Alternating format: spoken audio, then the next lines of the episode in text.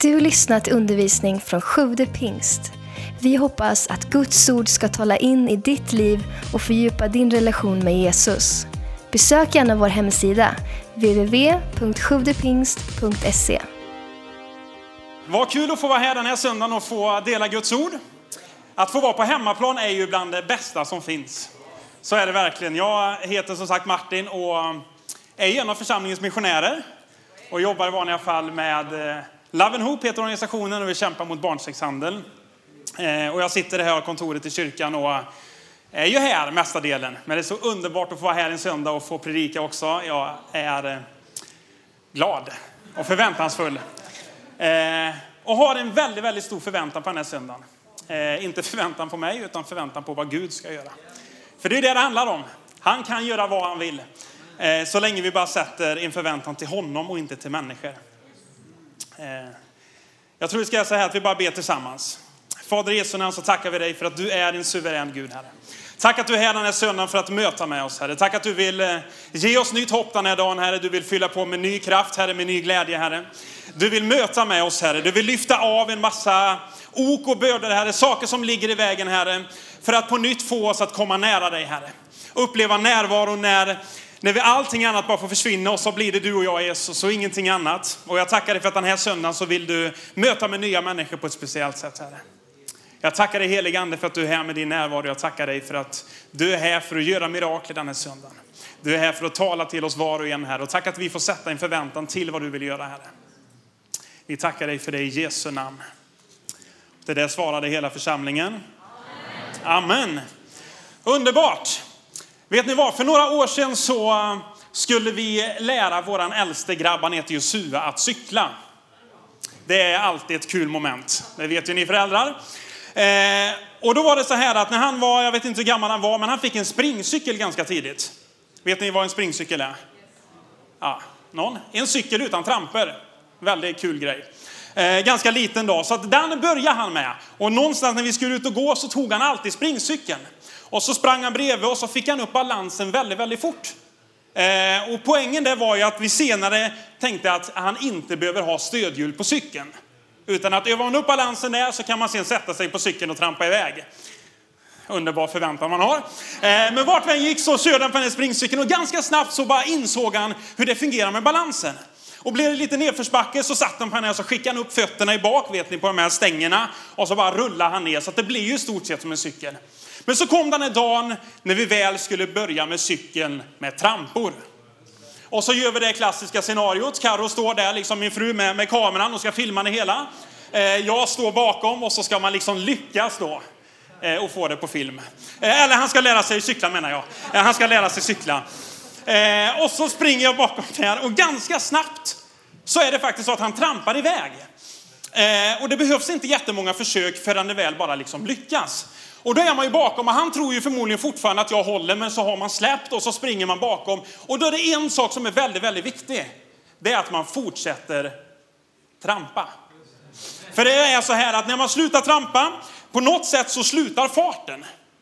Och i den åldern, när man äntligen har fått tramper, så har man inte riktigt kopplat att fötterna ska ner till asfalten.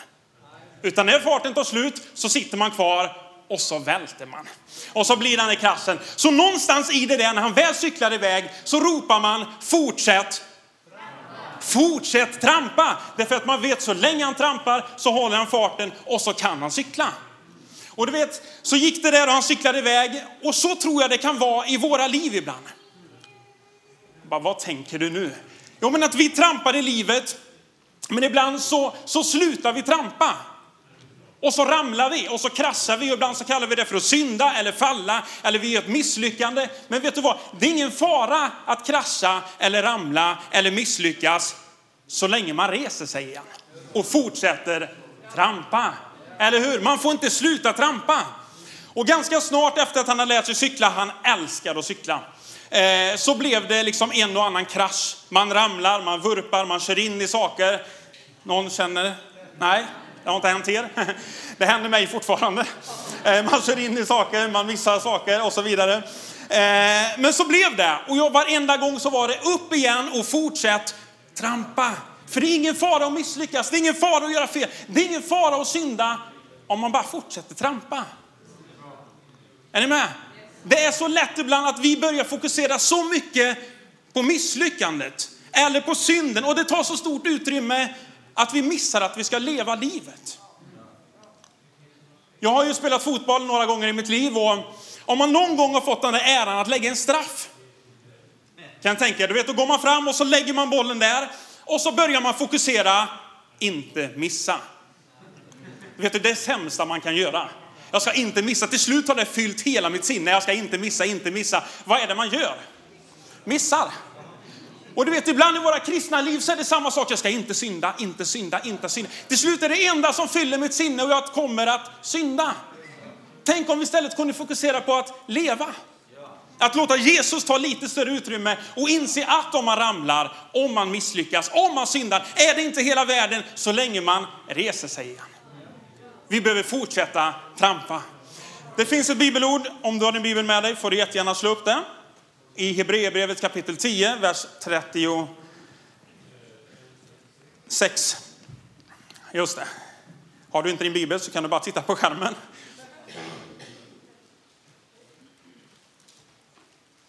Hebreerbrevet kapitel 10, vers 36. Så står det, ni behöver uthållighet för att göra Guds vilja och få vad han har lovat. Ni behöver uthållighet för att göra Guds vilja och få vad han har lovat. Jag tänker, vi som sitter där inne, jag tror alla vill säga, jag vill göra Guds vilja. Jag skulle vilja få vad han har lovat. Vad är det som behövs? Uthållighet.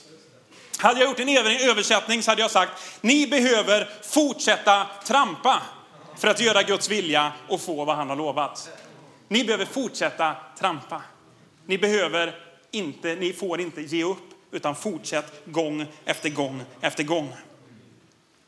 För det farligaste som finns, det är när man slutar, och ge, när man slutar trampa och man ger upp. Vet du vad, det är då djävulen har lyckats. Det är den dagen du säger, jag orkar inte längre, min synd är för stor, eller det går inte längre. Det är då han har lyckats. Tänk om vi bara istället kunde resa oss upp igen och fortsätta trampa. För det är det vad det handlar om. I mig själv så kommer jag aldrig lyckas, men tillsammans med Jesus kommer det alltid att gå.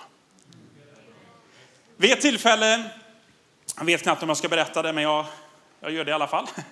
Eh, då var inte Josua och Noah så stora, men jag skulle ut och cykla med dem och Karo var inte med. Det var nog därför det här hände.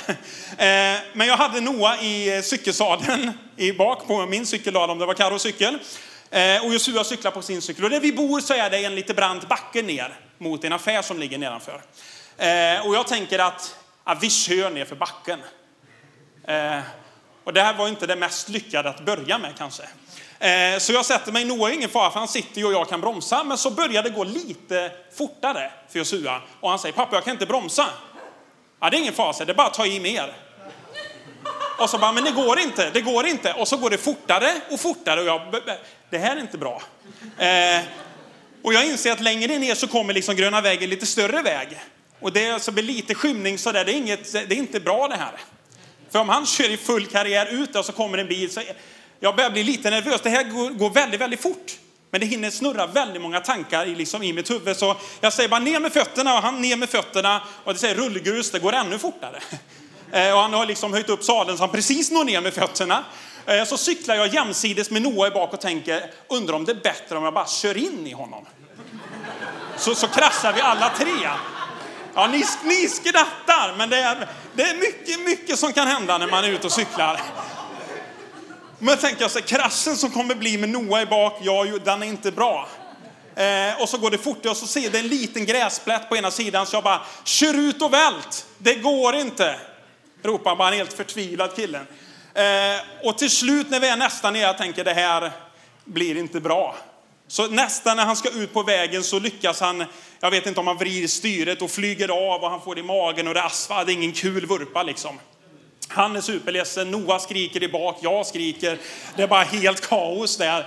Eh, och han liksom har ont i magen och jag känner, vad är det vi måste göra nu? Fortsätt trampa. Jag tar upp telefonen, ringer Karo, du bara får komma ner. Vi har lyckats med något som inte är bra här. Eh, och så kommer hon ner och så tar hon med Josua. Men så inser jag, om vi inte fortsätter trampa så kommer Noah vara rädd för det här. Så han sitter i cykeln och han är liksom ledsen där tillbaka och säger det är ingen fara, vi ska ut och fortsätta trampa. Och så bara cyklar vi och cyklar och han inser att det är ingen fara. det här kommer gå bra i alla fall. Dagen efter så säger jag till Josua, vet du vad, vi behöver ut och cykla. Nej, jo, det måste vi. Det är väldigt viktigt att ge sig ut igen. Vi behöver inte börja med backen igen, utan vi går ner för backen så är det plant. Så där kör vi. Och så gjorde vi det och så fortsätter vi trampa och så inser han att jag älskar att cykla. Och idag så är den där backen inga problem, det är hur lugnt som helst. Men vet du vad? Tänk om man hade gett upp. Tänk om man inte hade fortsatt trampa. För vet du vad? När man ramlar, om man misslyckas, syndar eller kraschar eller vad man gör, så gör det ont. Det blir lite tufft, det kan bli skrapsår, det kan livet vara lite tufft mot Men vet du vad? Ge inte upp. Fortsätt trampa i alla fall. Då står det så här i eh, första Johannes brev. Det kommer på skärmen också, så att, men det är alltid kul att bläddra lite. Eh, I första Johannes brev i kapitel 2 och vers 1 och 2 så skriver Johannes någonting som är väldigt fascinerande här. För han säger så här, mina barn, detta skriver jag till er för att ni inte ska synda, för att ni inte ska krascha. Men om någon syndar så har vi en som för vår talan inför Fadern. Det är Jesus Kristus som är rättfärdig. Han är försoningen för våra synder och inte bara för våra utan också för hela världens. Det är värt ett amen. Vet du vad? Detta säger Johannes, skriver jag till er för att ni inte skall synda. Men om någon syndar så finns Jesus där i alla fall. Och vet du vad? Det är som att han säger, om du är ute och cyklar och kraschar så är det ingen fara så länge du reser dig upp. Så länge du vilar på Jesus, så länge du bara vänder om och kommer till honom. Men ge inte upp, utan fortsätt trampa i alla fall. Det finns en man i Bibeln som heter Josef. Jag vet inte, har du hört talas om honom? Det var inte många. Är det ingen? Jo då, det finns några till. Kör en gång till så alla händer uppe snart.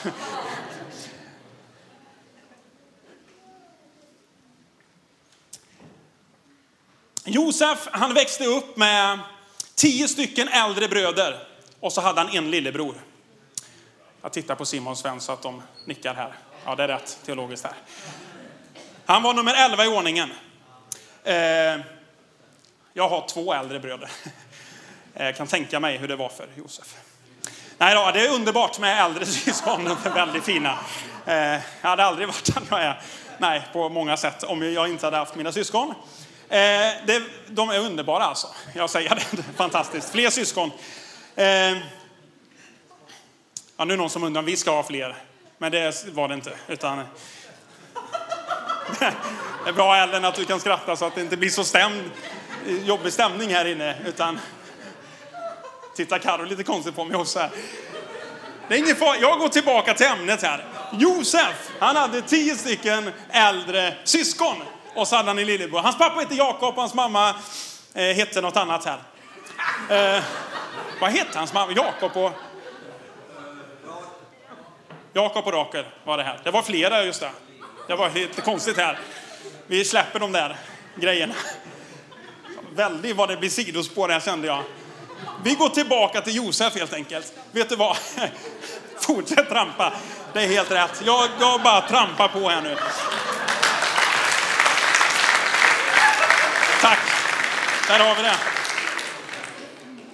Han var liksom den där lille killen som var lite mer omtyckt än de andra. Känner igen mig precis. Eh, men det står att hans bröder inte tyckte om honom. Så var det inte i mitt fall då. Eh, utan han hade det väldigt, väldigt tufft. Och en dag, jag tror att den är någonstans runt 17 år gammal, så får han drömmar. Och den ena drömmen så är de ute och binder kärvar och eh, så upplever han och berättar för sina bröder och sin mamma och pappa att ja, men jag drömde att vi var ute och band kärvar och alla kärvar bockade sig och bugade sig för mig. Och de här bröderna började, och pappan, vet du, man var vad är det du berättar? Skulle du bli ledare? Skulle lillen här liksom bli någon ledare för oss andra? Nej, nej, nej. Vad, vem tror du att du är? Och så kommer en ny dröm, så säger han, jag, jag drömde att både solen och månen och elva stjärnor också bugade sig för mig. Och det här skapade ett ännu större hat faktiskt hos hans bröder gentemot honom. Och hans pappa, det står att han la det här på minnet. Han undrar lite, vad är det där? Men han ändå tänkte, vad undrar vad det här betyder för någonting? Och så gick tiden och eh, Josef var ganska liksom, eh, lite så här bortskämd kille där ändå. En dag så ska han ut och hälsa på sina bröder som är ute och vaktar får eller kossor eller någonting. Eh, men ute på marken. Och när han är på väg ut till dem så på avstånd så ser bröderna, kolla där borta kommer Josef. Den där dagdrömmaren, den som tror att han är någonting. Så börjar de, vet du, schyssta brorsor där. Ska vi ha ihjäl han eller? Det står så. De börjar liksom lägga upp planer på, vi kanske bara, ska vi inte, ska vi inte slå ihjäl brorsan så får vi se hur det går med hans drömmar. Med de där planerna, med de där tankarna. Och så finns det en brorsa där som är lite mer, han bara, vi kan inte ha ihjäl vår bror. Låt oss kasta honom i brunnen som är här istället. Så tänkte han, jag kan nog rädda han lite senare där. Så när Josef kommer så tar hans bröder och så kastar ner honom i en brunn. Och under tiden står det som de sen sitter och fikar. Jag tror de sitter och fikar, det står inte just ordet fika då. Men de sitter där. Så kommer det en karavan gående. Och då är det en som får det. Men vet du, vi säljer killen. Så gör vi oss en liten hacka också. Så kommer karavanen eh, med ismailiter. Och så säger han så här, vi har en kille här som, eh, vi, han är till salu. Och de betalar en summa för honom, tar med honom och så, så försvinner Josef med de här eh, ismailiterna som är på väg till Egypten. Och bröderna de hittar på någon story hos pappa av att han har blivit ihjälriven av något djur, och, eh, men att han är död. Du kan bara tänka dig Josef, som jag tror var någon slags man som levde tillsammans med Gud. Han hade fått en kallelse, någonting i sitt hjärta av att han en dag skulle bli använd av Gud på ett mäktigt sätt. Han gör allting rätt, men ändå blir det fel. Och vad händer i våra liv när vi tycker vi gör allting rätt, men det ändå blir fel? Ger vi upp? Eller titta på Josef, vad gjorde han? Han kunde ju ha sagt så här, ja men när inget av det här blir av, jag bara ger upp allting. Jag skulle ju liksom ha bli en ledare, nu är jag såld. Jag är såld som slav, jag är på väg till ett annat land. Vad är det som händer? Men man kan nästan läsa mellan raderna att Josef är en man efter Guds hjärta som bara säger Gud är god i alla fall.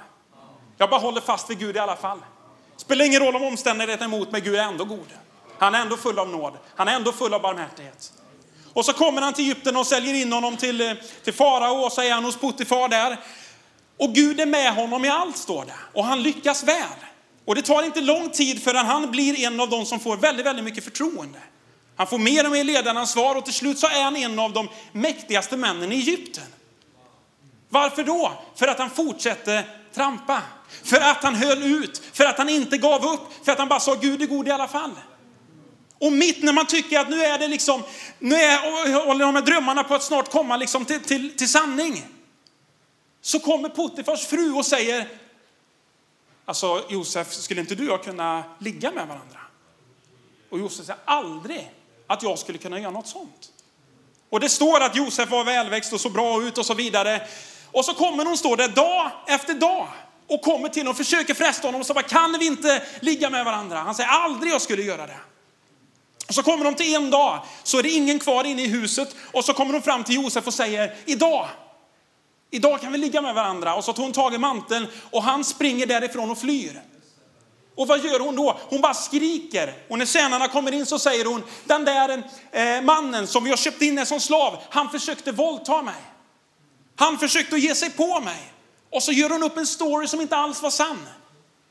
Och vem tror ni Puttifar och fara på att lyssna på? Sin egen fru där eller på slav, slaven man hade köpt. Så plötsligt så, så kastar man Josef i fängelse. Han hade ju inte gjort något fel. Han kunde haft rätt igen och sagt så här, det är lika bra jag ger upp. Först blev jag såld av mina egna bröder, först så blev jag född in till ett helt annat land. Vad hände med de där drömmarna? Men någonstans säger han, Gud är god. Och så gör han allting rätt. Han kunde blivit besviken och sagt så här, det hade nästan varit bättre jag hade legat med henne för det hade inte hänt någonting. Men vet du vad, han gjorde inte det. Han bara höll fast vid Gud i alla fall. Han sa, jag tänker leva rättfärdigt i alla fall. Gud är god i alla fall. Och så blir han kastad i fängelset. Och så många gånger tänker jag på våra liv, vi behöver, står det, uthållighet för att göra Guds vilja och få vad han har lovat. Vi behöver fortsätta trampa, göra samma grej gång efter gång efter gång för att få tag i det som Gud har gett oss. Så står det att när han är i fängelset så, så bara plötsligt får han favör där, där också. Varför då? Därför att han bara är en man efter Guds hjärta. Därför att han bara fortsätter vara vänlig. Han bara fortsätter göra rätt saker. Han bara fortsätter älska Gud. Han bara fortsätter älska människor. Han bara fortsätter vara den där som bara är rättfärdig och ren. Och Gud är med honom i allt står det. Och det dröjer inte jättelång tid heller förrän han blir liksom upphöjd och till slut så är han en av de mäktigaste igen. Och så kommer de där drömmarna när det blir hungersnöd och så kommer liksom bröderna och bockas inför och så händer allt det där som Gud kallade för många, många, många år tidigare. Varför då? För att han höll fast vid det Gud hade kallat honom till. För att han inte gav upp. Du vet, det är så vi fostras i ett samhälle idag när allt ska gå så här fort. Hela tiden ska saker levereras. Liksom. Det är mat, det ska gå undan. När man ska handla så är det en snabbskanner, man ska liksom inte ens stå i kön längre. Eh, nu är det inte snabbskanner för nu sitter man hemma och så beställer man grejerna så kommer det till dörren istället. Och så är det grej efter grej efter grej. Jag säger inget av det där behöver vara fel. Men vi fostras in i en kultur där ingenting ska ta tid. Ingenting får vara jobbigt, ingenting behöver liksom vara tröghet i. Medan Bibeln säger något helt annorlunda. Bibeln säger saker behöver ta tid.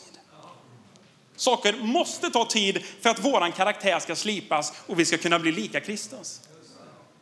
Så någonstans mitt i allt det där så är det så här att när vi kommer i figur och ber ibland så vill ju vi att bönämnet ska bli ett bönesvar så här. Och det händer ju ibland. Men vet du vad? Från det att vi ber till att vi får se det blir ett bönesvar. Den tiden kallas tro. Eller hur? Den tiden behövs för att visa vad finns på insidan. Håller vi fast vid det Gud kallar oss till eller vänder vi riktning för att det inte händer någonting på en dag, på en vecka, på en månad?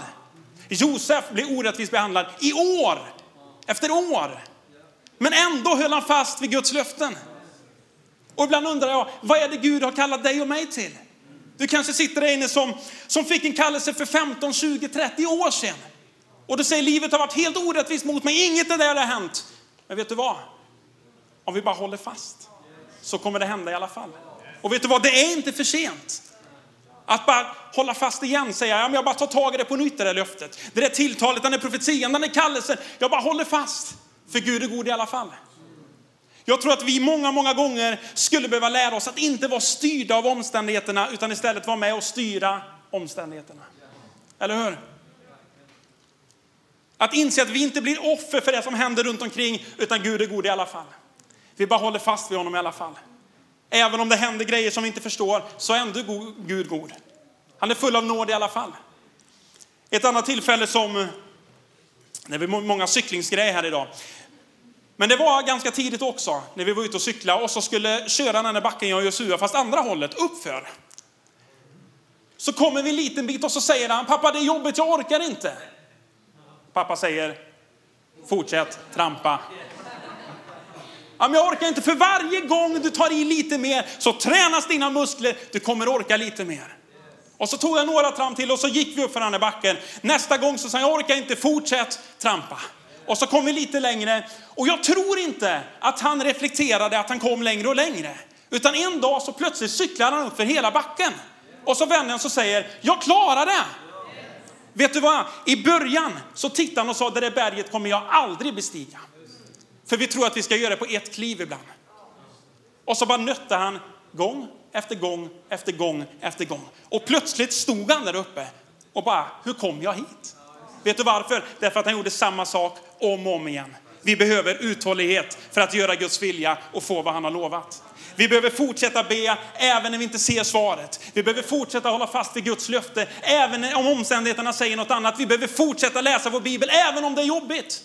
Vi behöver fortsätta sätta av tid av att umgås med Gud, av att be, av att fasta, av att bara spendera tid. För att plötsligt så är vi där. När vi bara håller fast i det som Gud har kallat oss till. Men så många gånger är det enklare och mer lättvändigt att säga att det blev ingenting av med det. Eller det hände ingenting. Och så ger man upp och så slutar man och så blev det ingenting. Jag tror att vi behöver påminna oss gång efter gång och bara stå bredvid och säga fortsätt trampa. För vet du vad vi behöver? Vi behöver människor som är uppmuntrande. Vi behöver människor, jag kunde ha sagt till Josua när han säger jag blir trött, ja men då går vi. Tänk att det fanns någon som sa fortsätt trampa. Om han ramlade så behöver jag inte gå fram och säga, vet du vad, du kraschar precis. Ja, jag vet om det. Eller hur? Ibland drar jag liknelser och säger så här, om man spelar fotboll och så har man bränt i ett friläge så behöver ju inte kompisar komma fram och säga, du missar precis. Jaha, underbart, jag märkte inte det. Du vet, man vet ofta om när man har gjort fel. Det är ingen som behöver säga till att man gör fel. Om det är någon här inne som skulle råka synda, falla ut och så gör man något helt annat så kommer man tillbaka så vill man inte höra, alltså det är dags att komma nu. Eller hur? Man vill höra någon som säger, vad underbart att du är här. Fortsätt trampa. Vet du vad, tänk om vi kunde vara människor som springer bakom och är med och parerar för de som är nya i tron. När någon kommer hit och så ska de lära sig cykla, alltså lära sig vandra tillsammans med Kristus, helt nyfrälsta. De behöver mammor och papper, kompisar som springer bredvid och är med. Människor som säger fortsätt trampa. Och vet du vad, kraschar man så säger man, det är ingen fara, vi reser oss igen. För det finns för många som säger fel saker. Som istället trycker ner människor eller säger, ja det var det jag trodde, eller du skulle inte ha upp det där, eller du lever ett helt annat. Tänk om vi bara kunde hjälpa varandra. Tänk om vi kunde bli människor som lyfte varandra, som trodde på varandra.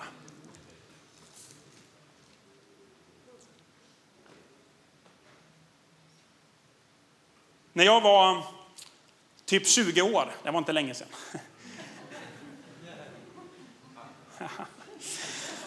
Det var ett tag sedan. Eh, så skulle jag typ predika första gången i mitt liv. Någonstans där. Så var det i Pingstkyrkan i Tidaholm, det var på en ungdomssamling som det hette då. Eh, jag hade förberett mig eh, så maxat jag kunde trodde jag. Jag hade skrivit ner hela liksom, mitt utkast ord för ord i stort sett. Och hade liksom, jag hade övat och liksom, åh, jag var så laddad. Och så kom jag upp på scenen, och nu tycker jag pratar fort nu, då var det ingenting i jämförelse med vad jag levererade då. Eh, jag går upp på scenen och det var ingen som hade sagt till mig att två sekunder skulle kännas ungefär som fem minuters tystnad. Jag tänker det är bättre att prata både på in och utandning.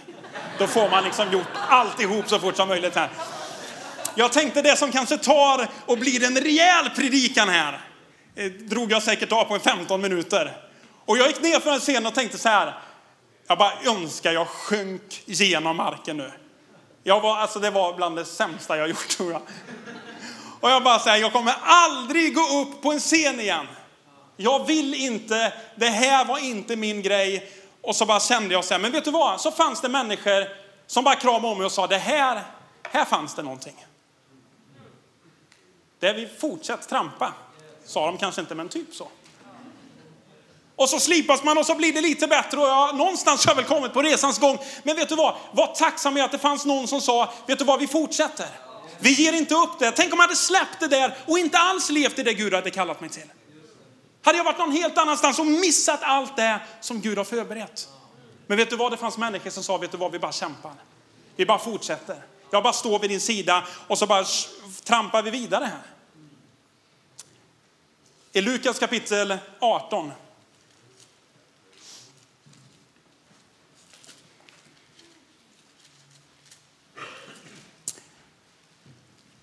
Från vers 1 och framåt.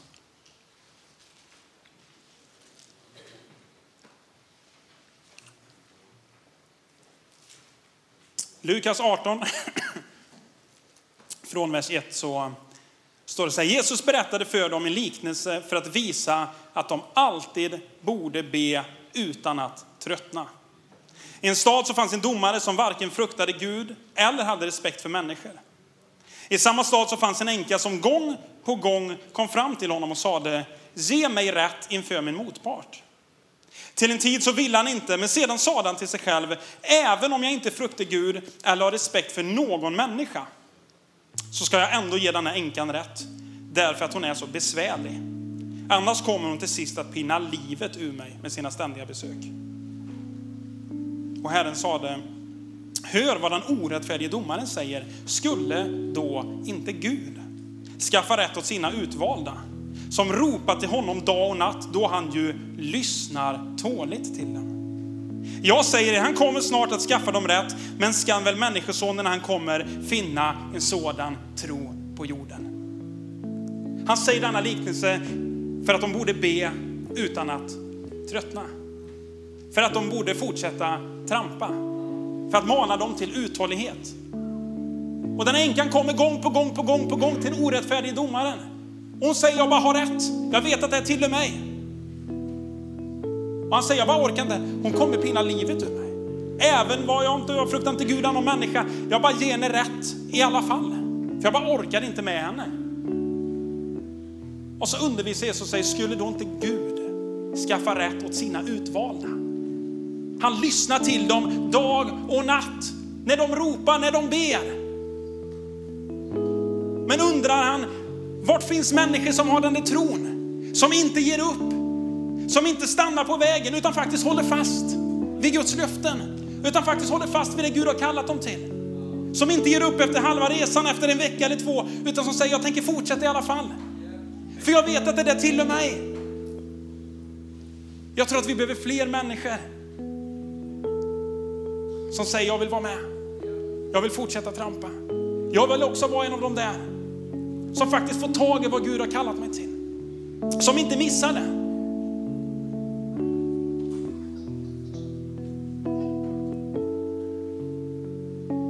Problemet är inte de där gångerna vi misslyckas, de där gångerna vi faller. Utan problemet är de gånger vi ger upp och inte vill vara med längre. När jag frågade Gud en dag, så här, vad, är, vad är det du vill säga? Vad är det du vill förmedla? Så bara kände hur den helige Ande sa, jag vill bara lyfta människor. Jag vill bara säga fortsätt. Jag vill bara skicka en hälsning, ge inte upp. Kanske du har kommit hit idag och känner sig, jag, jag bara orkar inte längre. Vet du vad Gud säger? Jag är på din sida. Jag har bara hopp till dig. Någon säger, ja, men jag, jag har bett så många gånger för det helandet. Vet du vad Gud säger? Det är inte långt borta. Ge inte upp. Någon annan kanske säger, det funkar inte längre i relationen. Vi har prövat så mycket, vi har försökt, vi har försökt, försökt. Jag säger, ge inte upp. Fortsätt trampa. Håll bara fast vad Gud har sagt. Kanske någon kom hit idag till och med och säger så här, jag orkar inte ens leva längre.